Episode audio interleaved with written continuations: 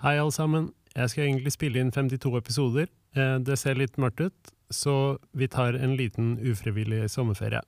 Men før det så skal dere få to oppsummeringsepisoder.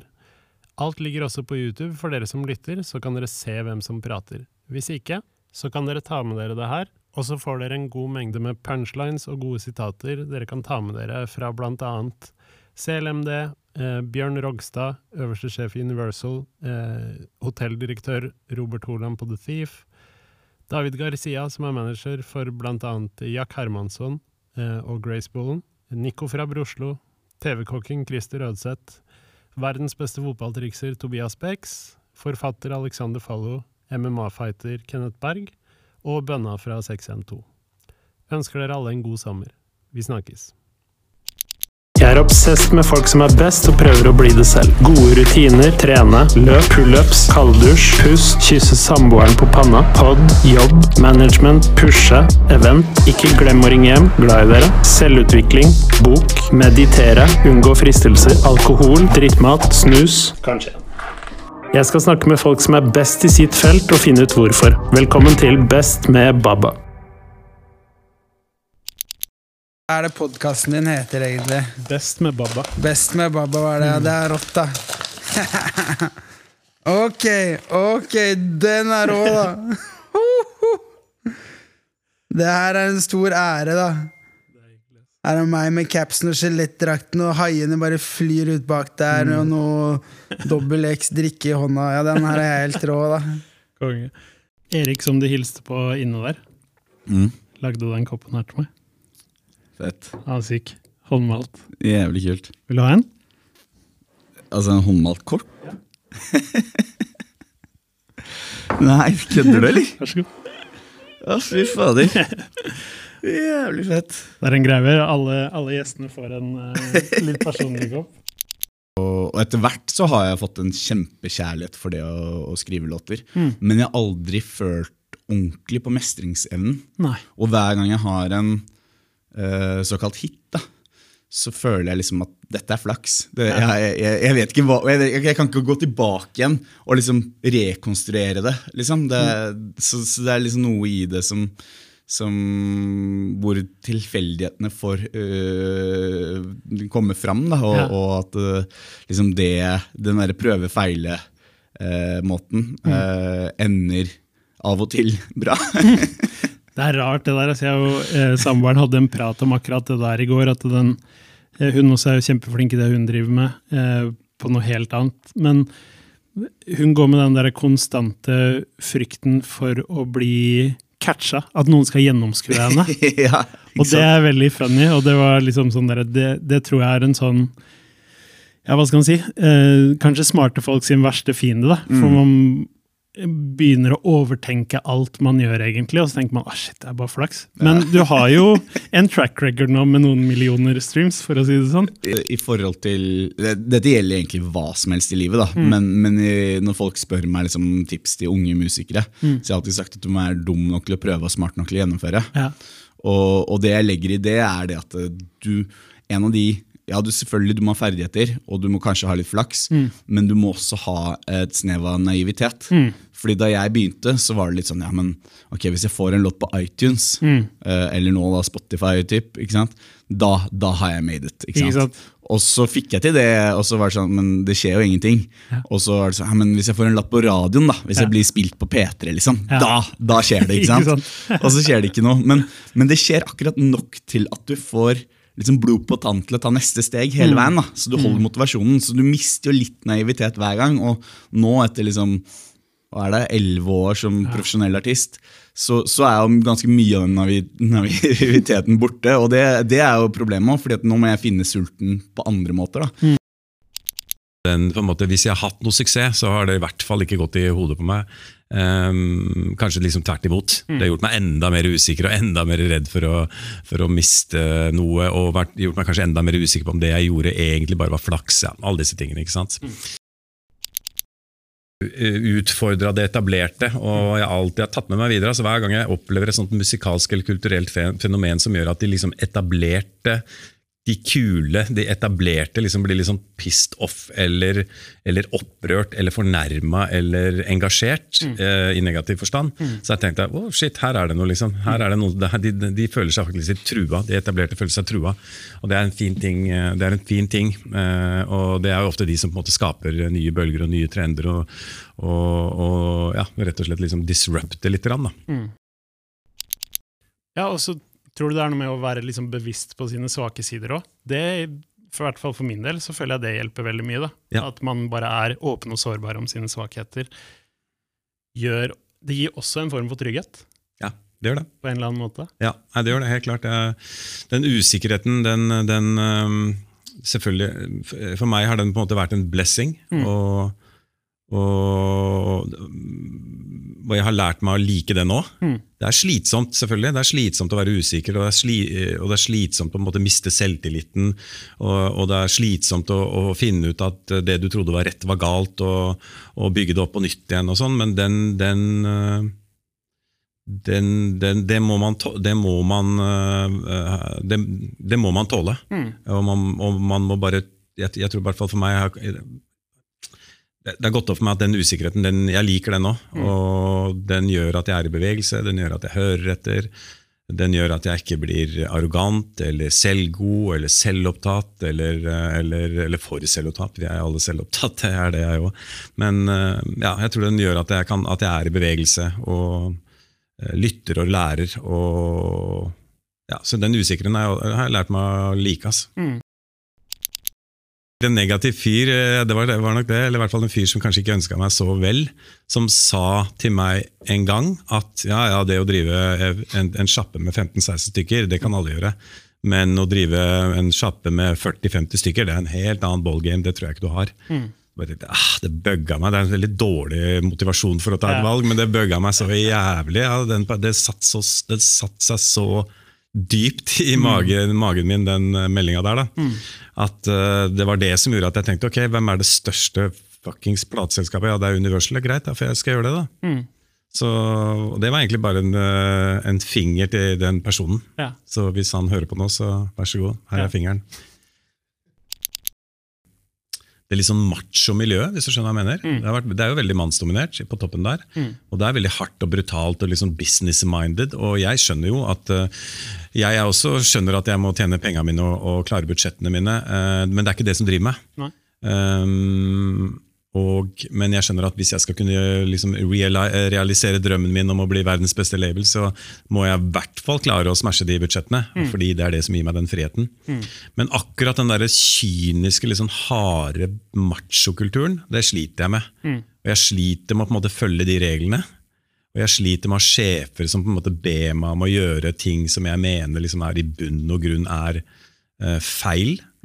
Kanskje ikke feil av sånn, på sånn kortsiktig gevinstfundament, fundament, men feil eh, for meg i forhold til hva jeg mener er rett og galt, og hvordan man skal oppføre seg og hvordan man skal behandle mennesker.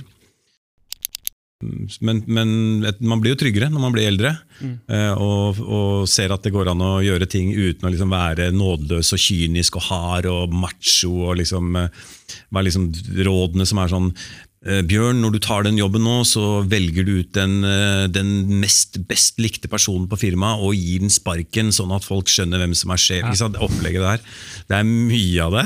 Og veldig mye av det. Og det høres jo helt uh, wack Mm. Det ut, men, eh, men det er veldig mye av det.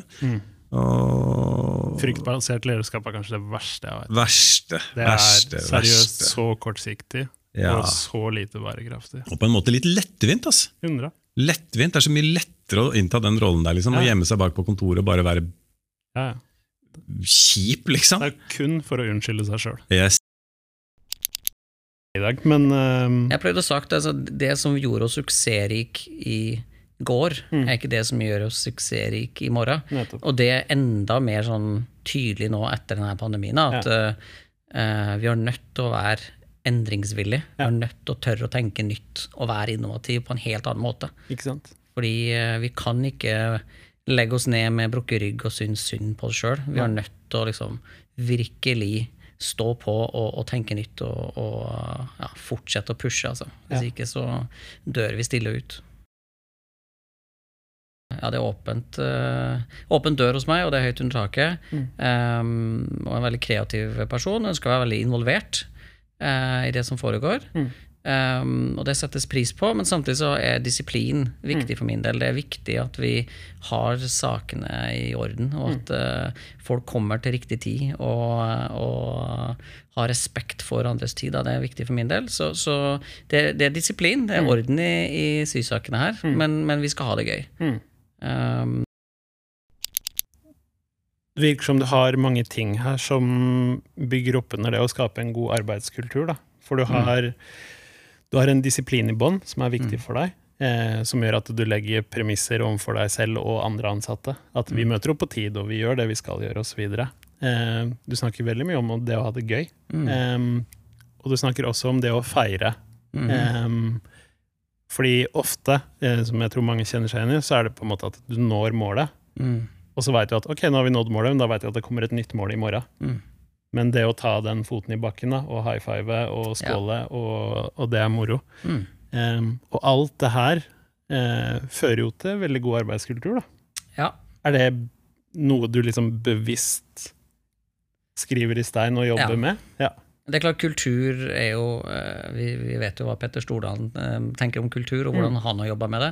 Så jeg dedikerer en del av arbeidsdagen min på å være blant gjester. Mm. Eh, og også blant ansatte. Mm. for det er på den måten man får eh, det er, det er, på den måten man skaper kultur og, er med å bygge kultur, men det er også den måten man da får høre litt mer fra de ansatte hvordan de egentlig har det på jobb. da. Nettopp. Uh, man kan høre også om de problemene som er på rom. Altså Hvis det er et rom som har litt suselyd i ventilasjon, og sånn, så, så, skal jo det skreves en ticket om det, og skal, det skal komme til vaktmester, men det er ikke alltid det skjer. Mm. Og Da kan det være at det blir snakka om det, og da kan jeg plukke det opp og ta action deretter. Uh, eller kan hun jenta som jobber i housekeeping, som var så smilende og blid, som har mista litt den der piffen, mm jeg kan altså få vite at hun har slutta å smile på jobb fordi at hun faktisk ikke har det greit hjem. Ja. Og at jeg da får muligheten til å høre om det og ta action da, eh, det, det er viktig kulturskapende, men det er også viktig sånn arbeidsmiljømessig å, å, ta vare på sine ansatte på den måten. Da. Ja.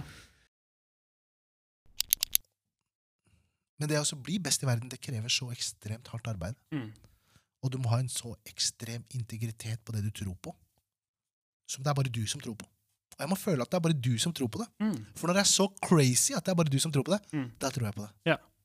100. Men hvis alle sammen bare ja, ja, det er det feteste Fuck it, bare glem det. Tror ikke på det. Ferdig. Tror ikke på det. Ah, helt klart. Tror ikke på det. Jeg må tro på at du er den eneste i verden som tror på det insane, gale greiene. Mm. Og så må jeg se at hjertet ditt er 100% med. Jeg må se at du sitter i det studio 20 timer i døgnet. Mm. Jeg må se at du jobber med de minste detaljene for at du vil bli best i det. Og hvis du vil bli best, så forstår du at det er arbeidsmoral det handler om. Talentet, det vet du om, så det er ikke det vi snakker om engang. Vi snakker om arbeidsmoral. Og så må du ha en greie. Du må ha en stil, du må ha en egenhet, en særegenhet, som bare du mener er så fet at du vet at det kommer til å endre every fucking thing. Mm. Som jeg ikke forstår engang. Men jeg mm. forstår at du tror på det. Mm. Når jeg ser den delen av sjela di, mm. og så ser jeg hjertet ditt med arbeidsmoral, da elsker jeg det. For det er de menneskene jeg tror endrer verden. Hører du, Sindre? Mm. Så, og det er, det, er, det er, forskjellen nå, da, og fra når jeg drev blogg. Mm. Det er at jeg får vært med på den. Nettopp. Nå får jeg jobbet med sjela mi. Jeg, jeg, jobber med, med, mennesker som har en umenneskelig tro på det de driver med. Mm. Som er så crazy at jeg elsker det. Og, og hvis, hvis uansett om du driver med musikk, eller uansett hvilket kreativt yrke du driver med. Hvis du gjør det du tror på, det du elsker, og skaper det du vil, det verste som kan skje, er at du blir lykkelig. Ja. Basically. Ja, og det, det, det, er reisen din. For så lenge du er deg, mm. 110 Nå snakker mm. jeg ikke overfladisk piss, 110% men ordentlig Dybden. 24-7, ja. dybden i deg. Mm, mm så er du lykkelig. Glem resultatet. Nettopp. Det handler ikke om resultatet. Nettopp. Det handler om reisen. Og resultatet blir bare ofte en konsekvens av det uansett. Helt riktig. Mm. Nettopp. Så ikke snakk om hvor mye penger du skal tjene. Ikke snakk om hvor mange mennesker som skal være i salen når du skal spille konserten din. Det kommer hvis du gjør alt det andre. Ikke sant? Mm. Det er konsekvensen av Mm. reisen din. Mm. At du gjør den skikkelig. Mm. Nettopp. Det er det, det, er, det er det som er nøkkelen. Og det 100. er svaret på Det er det som gjenkjenner alle de beste. Vi sjekker den. Ikke tid på det i det hele tatt. Elena Roosevelt sa noe smart. Small people talk about other people. Mm. Average people talk about events. Ting som har skjedd. And smart people talk about ideas. Mm. Sant. Og Norge Dessverre så møter jeg altfor mange som snakker om andre mennesker. Verst jeg veit. Og da, dere som hører på dette her, vit det.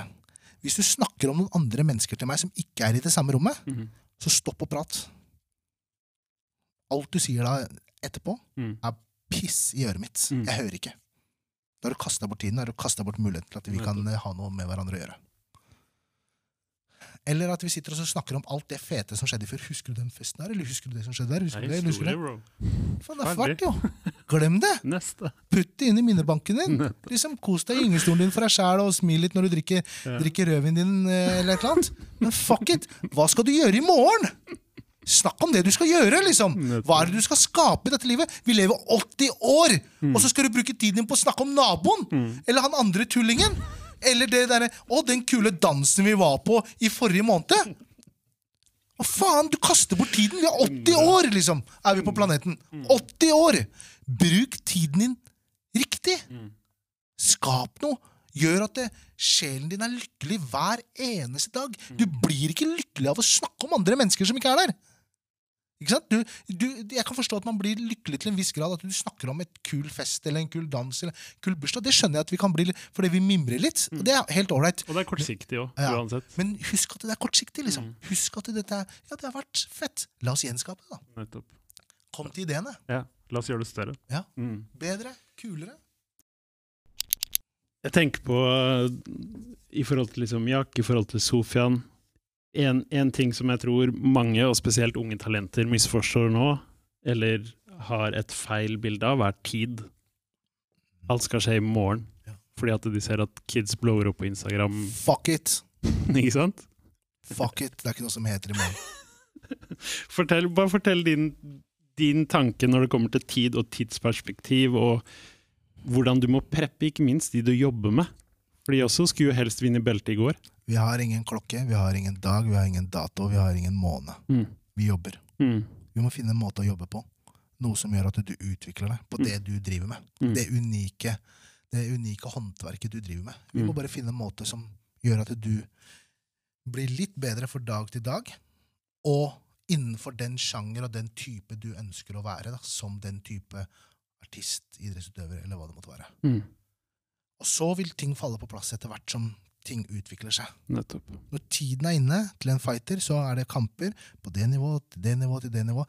Dag for dag for dag. Men ikke noe sånn derre om ett år, om to år, så skal vi være der eller der. Mm. Nei. Vi har ikke sånn tidstabell i det hele tatt. Nei. Aldri. Jeg jobber aldri etter det. Nei. Jeg jobber etter deg. Ja, Jeg ser det på deg, og så kommer jeg til å være ærlig mot deg hele tiden. nettopp. Du er altfor dårlig på dette her, ass. Vi må jobbe mye mer. Mye mer. Ja, jeg følte liksom en invite til den podkasten her er liksom Jeg måtte si ja, da, for jeg eh, tenkte ok, best med Baba Det handler om å være best i noe, liksom. Og det kan høres ganske cocky ut, da og selvopptatt og stille opp. Ja, ja, jeg er best i noe, selvfølgelig skal jeg være med på den podkasten. Men nettopp derfor hadde jeg lyst til å være med, da for det er mange måter å være best på. da 100. Så eh, det tenker jeg liksom det blir viktig å snakke om. da Nice. Alle de der fysiske tingene. Så jeg hoppa på alt da som jeg har sett. Og så mer sånn intellektuelle eh, egenskaper. da Som liksom Jeg har etter hvert tatt meg utdannelse. Først ble jeg bilmekaniker, senere ble jeg sivilarkitekt. Ja. Som er en fem og, halvt, eh, fem og et halvt år lang utdannelse. Som er heavy, egentlig. Og jeg kommer fra dysleksi, liksom, sånn at det, det var en, en switch. ikke sant? Så hele ungdomstiden så var jeg aldri hadde aldri noen intensjon om å liksom bli god på skolen eller lære meg de skillsa. da. Det var det, de stikk motsatte skillsa jeg ville lære meg da. da. Mm. Og egentlig, hadde egentlig hovedmål Fram til jeg ble liksom 20 år, så var planen min å bli bankraner. liksom. Mm. Så, så da var det mer liksom street skills det gikk i. da. Da. Nettopp. Så fem og et halvt år senere så var jeg sivilarkitekt. da Så plutselig hadde jeg en heavy utdannelse. Foreldrene mine bare ok, ok, det hadde vi ikke trodd. Liksom, der, er han der drittungen som aldri kommer hjem når han skal, og henger ute hele tiden. Jeg tror på det verste, jeg tror jeg ble kjørt hjem av politiet kanskje 25-30 ganger på ett år. da Til foreldrene mine. ikke sant Fordi jeg hadde vært ute med sprayboks eller drikke eller Nettopp. hengt eller slåss. ikke sant Så, Ja. så plutselig satt jeg der og var sivilarkitekt. Det Ja. digga faren min. liksom Fett. Der har jo dere gjort en grå jobb, da. Med tanke på at dere har jo sparka ned dører. Altså Jeg har aldri sett så mange kunstnere på sosiale medier for eksempel, som jeg gjør nå. Inn, innenfor den verden dere også jobber i, nei, men som som ikke er på samme nivå ennå. Mm. Hva, hva tenker du om det? De up and coming Har du Ja, nei, jeg tror på en måte Jeg tror mange ser det, men jeg tror ikke kunstverden eh, egentlig skjønner det. Og da mener jeg den etablerte kunstverdenen. Mm. Museene, de som sitter og deler ut penger i Oslo kommune til kunstprosjekter. Jeg tror ikke de egentlig ser hvor sinnssykt stor rolle Broslo Oslo har hatt for rekruttering til kunsten. på en måte da. For jeg, jeg ser det, den er helt ekstrem. Vi får hundrevis av meldinger. Vi får masse bilder som kids har malt, da, som er inspirert fra det vi gjør. Liksom, og det er jo egentlig det vi har alltid ønsket å gjøre. Og så tenkte jeg liksom Ok, det Broslo må være, det, det jeg vil vise folk, det er at eh, du må bare lage din egen, eh, ditt eget univers. da Du må lage din egen verden hvor dine regler teller. Hvis du på en måte melder deg på til 94-livet i samfunnet, da Da blir du testa på de kriteriene der. Du kommer og søker på en jobb, og så sier de hvordan karakterer har du da. Så sånn at du suger stikk, ikke sant? Da, da, da, melder du deg på det. Å, du har ikke masse utdannelse, du har ikke gått på kule skoler i utlandet. Nei, du kan ikke jobbe her i det her finansgreia fordi du har ikke gått på London School of Economics. Det gjelder på all, hele bredden. da Enten kreative ting, eller om det er tech-ting, eller hva det er. Så, så vi liksom prøvde å vise folk da gjennom kunsten vår, gjennom det vi gjorde, at men fuck alle de normene. Du må bare bli god og bygge opp det du selv gjør, og ikke gjøre det for andre. Ikke gjøre det for acceptance av et miljø, av kunstmiljøet, eller ja, noe annet. Du må bare gjøre det for din Du må lage din verden, så må du heller få de til å komme til deg. For da følger de dine regler. Du må ikke gå i deres verden og følge deres regler. da Og det har vi på en måte klart jævlig bra, og jeg syns også vi har liksom inspirert sikkert jeg vet ikke, men mange mange tusen barn og unge, og sikkert voksne i Norge, til å på en måte følge det settet. da Nei, bare kjør på, bare la kunst si opp den kjipe jobben din du driver med, eller bare hopp ut av skolen og så bare begynn med musikk, begynn med kunst, begynn, jobb med det du brenner for. da For du kan lage din egen business og din egen verden ut av det. da Tror du de blir lykkelige? Altså, tror du liksom Når du når det tallmålet, da, tror du de er happy? Eller det jeg har sett, fordi gjennom at vi selger kunst, så møter du også svære finansfolk. ikke sant? Og, folk, og det jeg tror at noen av de har en sånn drive at de egentlig ikke De driter egentlig i penger. Jeg kjenner liksom noen av de verdens rikeste folka som bor i Norge, da som har så jævlig mange milliarder på bok, og så mye verdier. Men de, jeg ser at de heller gjør det ikke for pengene sine skyld. Nei. De har en annen ting som driver dem. Da. Ja. Og det er mer det derre ideen om hele tiden å vinne eller klatre på det neste fjellet. Nettopp. Det er det som driver de, da. Nettopp. Og det er faktisk ikke pengene. Nei. Uh, og det er litt sånn funny å se. da Ja. Så det er mer relatert til kunsten igjen nesten på de. da Ikke Mens i det mellomsjiktet, da de som bare jakter pengene, ja, da, det kan ofte være litt tristere å se på. da Ja. For De ser ofte ikke lykkelig, lykkelig ut i det hele tatt. Klart. Jeg har fortsatt ikke møtt noen i det mellomsjiktet som er happy. Si Tupac, liksom. Mm. Det er fett å høre på han snakke. Mm. ASAP Rocky har alltid vært et forbilde. Vi møtte han eh, ved et par anledninger. Mm. Blitt venner med han. Og jeg tenkte liksom han er kanskje en av verdens største artister. da Og han, bare, bare, han hadde en sånn måte å oppføre seg på. da Superinkluderende. Snakket lavt, veldig varm, virket veldig ærlig. liksom tenkte jeg sånn Det var inspirerende. da tenkte jeg sånn, shit Hvis han som er så rå, klarer å være så ydmyk og down to earth, da hvorfor fins det da bloggere med 1000 følgere på Instagram som går Ja. rundt og tror de er en prinsesse eller en prins? ikke sant? Da tenkte jeg, shit, altså, det, er noe, det er noe å se og lære av. da Jævlig rå fyr. Uh, ja, nei, så jeg har, har en del sånn. Altså, jeg syns jo også liksom av venner og sånn, da som er forbilder, så syns jeg liksom folk som går en vanskelig vei, da men er dedikert. Hvis du ser på de norske MMA-fighterne, Kenneth Berg, Emil Mek, liksom. Det er vanskelig å drive med MMA i Norge, liksom. Og det er ensporet på en måte. Og de har valgt liksom å dedikere hele livet sitt til det. da Uansett om det går bra eller dårlige perioder, så er de like dedikert. da Mm. Det er jævlig fett. Det er inspirerende.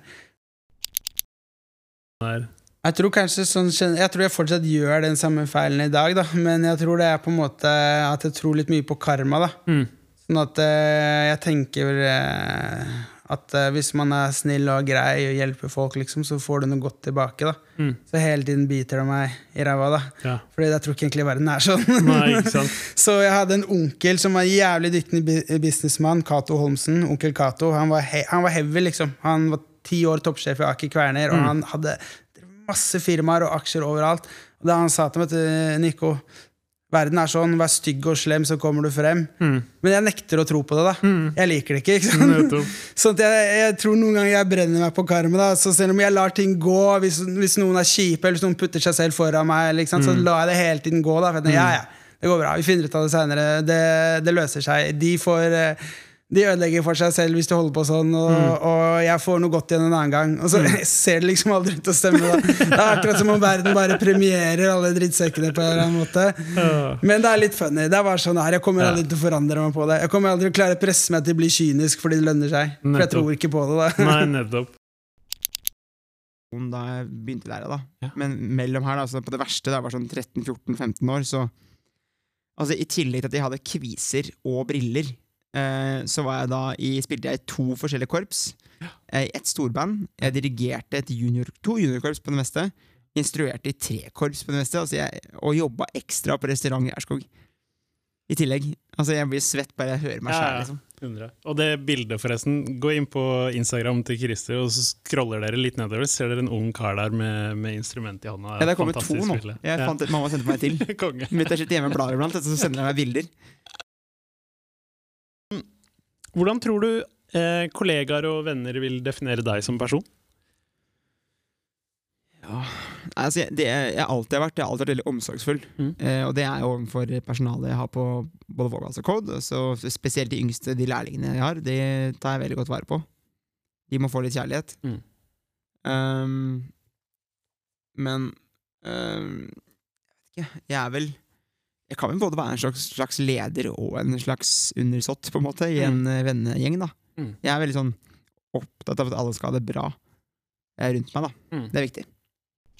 Men uh, møte alles blikk, og snakke med dem, og hilse på dem ordentlig, og uh, behandle alle med respekt, Mm. det er en, uh, en livsmantra. Mm. Jeg hater rasshøl. Ja. Jeg kan nok være et rasshøl også, men, men eh, det er ofte rett, da. Ikke sant? Nettopp. I mine øyne, i hvert fall. Ja. jeg tror også folk catcher det. Jeg tror, jeg tror at uh, ofte når folk baserer ting på en magefølelse, om at ah, her er det noe som ikke stemmer, Mm. så tror jeg ofte at det er den genuiniteten man ofte ser på artister eller folk som er uh, offisielle ansikt. Da. Men uh, man, får, man får en god magefølelse med deg. Ja, men så hyggelig. Det, det er bra. Det er målet. Altså, jeg har møtt folk som er på TV som jeg virkelig ser opp til, Mm. og så er de bare det jævla fittetrynet, liksom. Ikke sant? Og det er ikke noe hyggelig, ass. Det er ikke noe ålreit det Verden hele raser sammen. Nettopp. Jeg skjønner, tenk om, tenk om jeg, hvis jeg får møte Jamie, Jamie Oliver en gang, da, og Ja. han er bare den kuken. Surkuk. Det hadde vært fint. Jeg bare sånn, Da veit jeg ikke hva jeg gjør. Ass. Da bare raser alt rundt meg med en gang. Ja, jeg begynte å trene eh, kampsport da jeg var 13 år cirka. Og så gjorde det eh, veldig seriøst i starten, men det var liksom med voksne menn. Altså, det var ganske tøft. Jeg var liten i forhold til de, måtte trene litt vekter og sånne ting. Og så senere da så begynte jeg å jobbe for et vaktselskap. Eh, og der var det bare profesjonelle fightere. Simeon Thoresen og, og Bernhard Pados og en del sånne eh, pionerer kan du si da, i miljøet, spesielt Simeon Thoresen. Og så tok de meg inn og spurte om jeg ville være med å trene. tenkte jeg, ok, kult det, bli med å trene. Jeg, jeg har sett på kampsport, liksom. Og det som Fordelen med det tror jeg, er at jeg begynte å trene med de beste. eh, Jon Olav Einemo, Jack Hermansson, Mossen Bahari eh, og Joakim Helborg Hansen. da, eh, Den største legenden vi har i norsk MMA. Og på et tidspunkt som var nummer én i verden i lettvekt. Og, og da var det på en måte at jeg, jeg skjønte egentlig ikke helt hva sporten gikk ut på. Så det var så tøft og så hardt. Men jeg hadde ikke noen referanse, så må jeg bare sånn, ok, men da er det sånn det er. da. Så ville jeg bare, ok, men det her må jeg lære. Så kom jeg bare på trening hver dag og ble kvesta liksom, i, en evighet. Men uh, jeg tenkte, og når jeg skulle konkurrere, så tenkte jeg liksom at ja, ja, men det kan jo ikke bli verre enn på trening. Det går ikke. Og det blei det ikke heller. Nei. Så da, og, ja, og så gikk det bra, liksom. Og senere da så var det naturlig at siden jeg vant uh, alle amatørmatchene mine, så var det naturlig at da skulle jeg gå proff. Og begynte å konkurrere som proff, da. Ja. Men jeg tenkte for det, Miljøet var veldig annerledes på den tiden. Nå kan jeg si til eh, de yngre gutta som går amatør og sånn, veldig bra, du er flink, du får til det her, og sånne ting. Eh, men jeg tror ikke noen sa at jeg var god før eh, Sånn jeg husker det iallfall. Jack sa til meg en gang eh, da jeg skulle gå jeg tror det var min tredje, eller jeg hadde gått tre proffmatcher. Så skulle jeg være med på The Ultimate Fighter, og da liksom snakka vi sånn, jeg lurer på hvordan det skulle gå og sånn, og da sa han liksom sånn Ja, men jeg tror at du blir verdensmester, sa han. Hæ? Det var ingen som har sagt at jeg var god engang! Tenkte jeg, faen, er det, er det sånn, liksom? Hva tenker du, da? Om deg? Nei, du. Om meg? Ja, deg selv. Eller sånn hvordan jeg tenker? Ja, Hva tenker du at andre tenker om deg, liksom? Ja, jeg er nok veldig lik deg der. Ja, Um, og, og der, hva skal man si, jeg har en ganske sånn Jeg er tro mot meg selv Ja. eh, og det jeg står for. Mm. Uh, og igjen, som du sier òg, hvis de nærmeste hadde sagt at det ikke er bra, eller det ikke er bra, så hadde det gått av noen lamper, og så hadde Ja. jeg vurdert og tenkt å jobbe med meg selv rundt det. Mm. Fordi jeg har 100% tillit til dem. Ja. Um, og så har jeg nok en sånn ganske sterk i faen-holdning. ja, Em, og det er jo mange leveler av å gi faen. Du har den derre ja. ja. jeg gir faen, og så er du egentlig dritforbanna. Ja, ja. Du har eh, ja, men jeg gir faen, og så er du passiv-aggressiv. ja. Men jeg er på sånn gi faen at det tar 0 Ja. av hjernekapasiteten min. At det er ikke så farlig, liksom. Nei, Nei. Det, det påvirker meg ikke, det bryr meg ikke. Em, men det er viktig for meg å være tro mot meg selv og være et godt menneske og ha mine verdier i orden. Um, og så har jeg opplevd mange ganger at eh, man blir misforstått, eller folk tolker deg ja. kjipt, og det er en kjip følelse. Selvfølgelig. Fordi det er ikke noe jeg står for eller Nei. vil gi inntrykk av. Nei. Kanskje jeg hadde et svakt øyeblikk, eller kanskje jeg bare ble misforstått. Ja. Hvem vet? Men eh, nei, så lenge de nærmeste er eh, glad i meg, og Ja. jeg er tro mot meg selv, så er jeg happy, ass. Ja. Egentlig. Eh, og prøve å embrace det der og, og faktisk Ok, du er nervøs, og så la det liksom skylle over deg. da Mm. Og Istedenfor å Nei, jeg er ikke nervøs, jeg er ikke nervøs, så må du heller bare Ok, ok, det her er bra, liksom. Nå eh, kommer vi til å gire oss opp. Om du er nervøs en uke før, den nervøsiteten trenger du ikke. Mm. Men eh, på matchdagen, liksom, bare la det komme. Mm. Og så bruker du det når du skal konkurrere. Det er ubehagelig, men eh, det er bra for deg. da Ja, det er tydeligvis et instinkt som man Ja, ja. trenger, da. Eller Ja, ja. sikkert litt individuelt, det òg, men Ja. det høres jo sånn ut som det er litt gjennomgående. For det, det tror jeg veldig mange er litt sånn ydmyke, og det, det ha- er nok jeg også, men så har jeg lært meg da gjennom sporten min og for å kunne leve av det, at man må noen ganger også promotere seg selv litt. Mm. Som har vært litt ubehagelig i starten, synes jeg, men nå prøver jeg å eie det mer. Og det er kanskje lettere også når du bare går ut på nett, men når du sitter og prater med folk, så blir jeg også veldig lett sånn ydmyk. og liksom, Ja. Jeg kunne også sitte og få pra prata rundt VM-titlene mine at ja, men den er ikke så stor, eller den betyr ikke like mye. men Altså det, noen ganger så må du også bare tørre å, å stå for det du har klart, og være stolt av det. Um, og, og utenfra så ser det kanskje da bedre ut, for du får bare liksom høre at du har vunnet masse VM-titler, men liksom, det ligger jo masse bak der. Helt klart. Um, og fordi man står så mye i det selv, så er det kanskje lett da også å pirke på alle disse tingene også, da. Ja. ja, man er jo seg sjøl sin verste fiende. Ja. Ofte. Absolutt. Helt klart. den der eh, Altså, jeg har alltid vært entreprenør. På, på, på barneskolen så strikka jeg pannebånd til kompiser fordi mamma er, eh, driver strikkebutikk. Mm. Så jeg lærte å strikke og skjønte liksom Oi, andre ville ha det pannebåndet jeg hadde på meg. Så kunne jeg tjene penger på det. Nettopp. Eh, men det var da liksom entreprenørgenet virkelig slo til, for da begynte jeg å skjønne at eh, folk ville betale meg for å underholde dem med triksinga Ja. på fotballcuper andre steder. Og da ble det en type sidejobb da, som gjorde at jeg slapp å ta jobb på, på Kiwi eller andre steder, for jeg kunne faktisk tjene penger på det jeg digga. Ja. Eh, som gjorde også at jeg satt veldig mye på skolen og, og altså sendte ut mails, eller Ja. prøvde liksom å skaffe oppdrag for å kunne tjene penger på det. Det er gøy. Jeg også ser nå at man må, jeg tror også flere foreldre burde være klar over at det handler mer om engasjement og den viljen. Og så lenge du ser at barna dine litt sånn som meg, da har den driven Jeg går fra ett prosjekt til et annet, jeg blir veldig opphengt, jeg har lyst til å skape noe. Mm. Så, er ikke, eh, så er det ikke noe farlig om de ikke er gode på skolen eller eh, gjør det så bra i, i andre ting, for du ser at de har lyst. da. Mm. Da er det nesten verre med de som er gode på skolen, men når du kommer hjem, så orker de ikke gjøre noen ting. De har liksom ingen sideprosjekter. Eh, ingen drive. Mm. Altså, det er det det burde måles i, ikke nødvendigvis at du er god i noe som noen andre forteller deg at du skal gjøre. For Mm. hvis du da plutselig ikke har noe som skal fortelle deg hva du skal gjøre, så blir du bare liggende på sofaen. Men de med drive de kommer til å skape noe hele tiden, for de har lyst til å gjøre noe hele tiden. Ja, og vi er jo superheldige som bor i det landet her, fordi Ja. vi har faktisk det privilegiet at vi kan, vi kan velge å gå for det vi elsker og drive med. Um, du skal gjøre ganske mye feil for å ikke bli fanga opp av et eller annet system på veien. Helt enig. Så nei, det er kult. Um, og en ting som har hjulpet meg veldig, eh, og hjalp meg til å ta den første VM-tittelen, var annet det at jeg, jeg forestiller meg selv stå på scenen helt naken Mm. og trikser, og, ja, og at uh, folk da står og ser på meg, men Ja.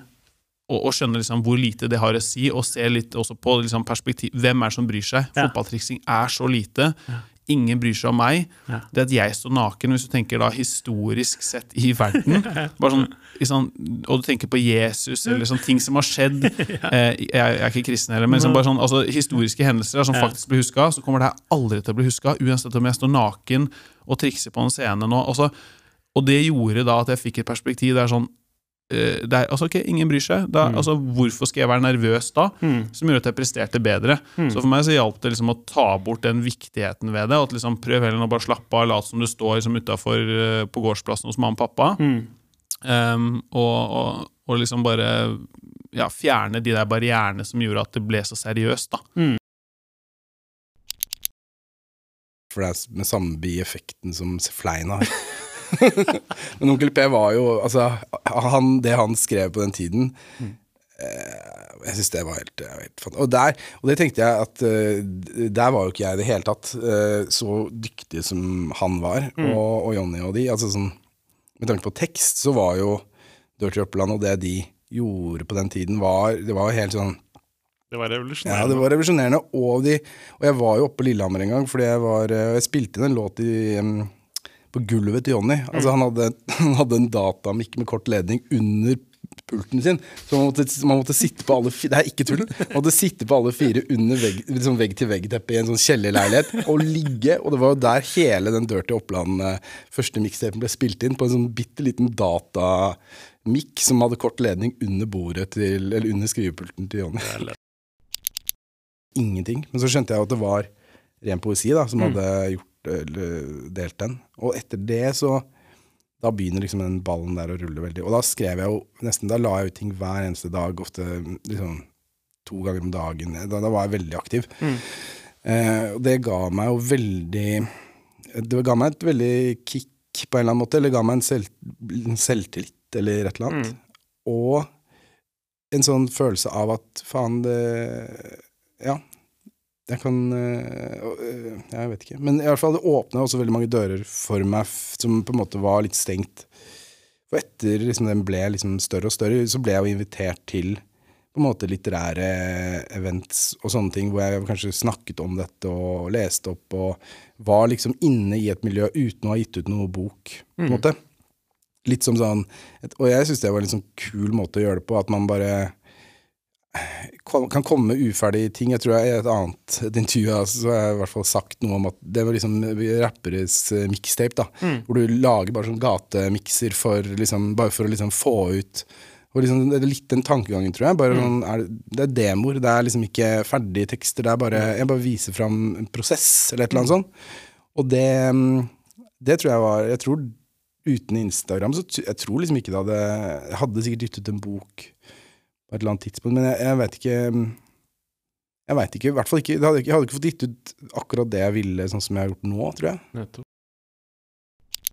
vet ikke hvordan Han skal gi ut eh, mer musikk på norsk, så jeg håper Mm. at jeg kan være med på noe av det. Ja. Eh, For det er jo Jeg er jo veldig opptatt av eh, Jeg har jo alltid vært opptatt av eh, tekster, eh, sånn sett og i musikk. Og de gangene jeg hører bra tekster på norsk, for eksempel, um, uansett sjanger, da, så, så blir jeg så glad, og jeg, jeg kan liksom nerde så, jeg kan nerde så vanvittig, på en måte.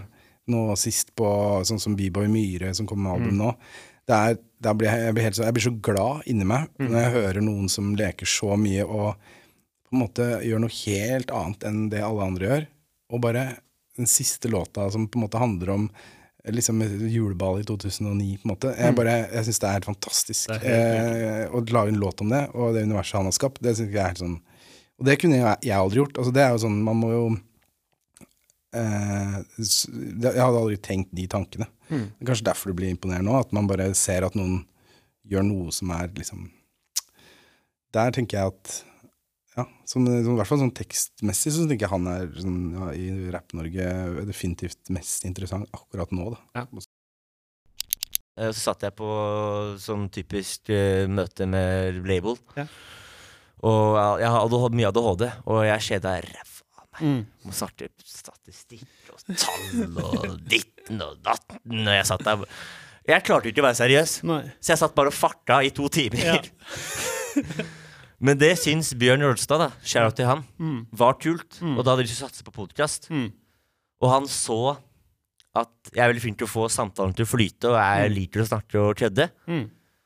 Og da sa Bjørn Olstad jeg tok meg til side etter møtet. Og da var han litt, da hadde jeg litt noia. For jeg tenkte å faen, så jeg får sparken eller så jeg får kjeft nå? For jeg hadde Mm. kødda i to timer. Ja. Og det var seriøst i to timer jeg ham. Han bare du, jeg liker det.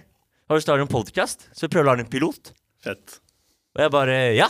Seff. Ja, ja, ja, ja. Jeg visste ikke hva podkast var, hadde aldri hørt om podkasten men bare ja, det vil jeg gjøre. Ja. Jeg gjør du, da. Mm. Og det er derfor i Norge er det veldig viktig sånn når, Først når du møter folk så har det sett settinger, jeg er bare sånn Mm. Hva jobber du med? Hva studerer du med? Mm. Og jeg syns det spørsmålet hater jeg. Ja.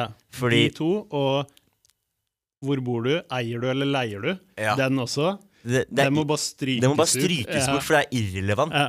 Det er Ja. 100 Mhm. Det er irrelevant, og Mm. det er sånn Who cares? Ja. Jeg, jeg blir kjent med deg som person. Ja. Hva, de, hva gjør deg glad? Ja. Hva er dine interesser? er helt enig. Det er akkurat som når, du, når, du, når man får de spørsmåla, så bare legger vi folk på en sånn sosial stige. Helt Hvor riktig. er du? Helt, takk.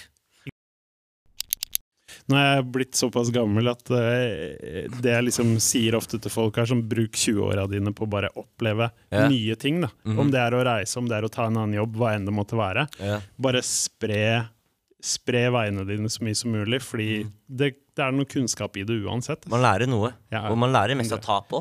100. Og man lærer mest av å feile og Ja. prøve. Ble, vi ble til, Fram til 2017 Mm. var det ulovlig var, var, var det lovlig å mobbe noen. Mm. Det ble gjort om. Mm. Så da måtte ikke stolen gjøre noe med det. Nettopp. Og når jeg, i 2017 var jeg ferdig på stolen. Og det er bra at de andre som opplever det nå, at stolen blir tvunget til å gjøre noe med det. Mm. Men må vi egentlig ha en lov Mm. for å passe på barna våre, så at de har det bra på stolen. Mm. Til og med egentlig lov for det. Mm. Eh, så det var jo Det var jo litt det var jo, Men jeg, jeg ga meg ikke, da. Eh, jeg tenkte at jeg skulle jeg og jeg skulle spille hele løpet ut. Mm. Og jeg skulle, holde ut. Og jeg var sta. Mm. Og jeg nekta å gi meg på mitt. Og jeg nekta å få meg sleik, så jeg jeg kunne ikke få det pga. håret mitt. og jeg nekta å Jeg ekte altså, gjøre, gjøre som de andre. Nettopp. Tenkte de får bare, de får, Hvis de ikke liker meg, da, de får bare ikke like meg for dem. Mm. Så jeg har alltid liksom Jeg har hatt mye selvtillit, da. Mm. Og det, den jeg ble mobba, det ga meg mye Mye dritt Mm. som jeg slet med, men også, jeg ble, ble også veldig, en veldig sterk person av det. Mm. Uh, og lærte bare å Man kan ikke Folk i livet Folk kommer ikke alltid til å like deg. Mm. Og folk kommer til å være kjipe mot deg. Mm. Men ikke la det stoppe deg Mm. til å gjøre det du vil. Nettopp. Det her var del én av episoden. Del to kommer ut neste mandag. Husk å følge oss på YouTube, og der du hører podkast, gi oss gjerne en tilbakemelding.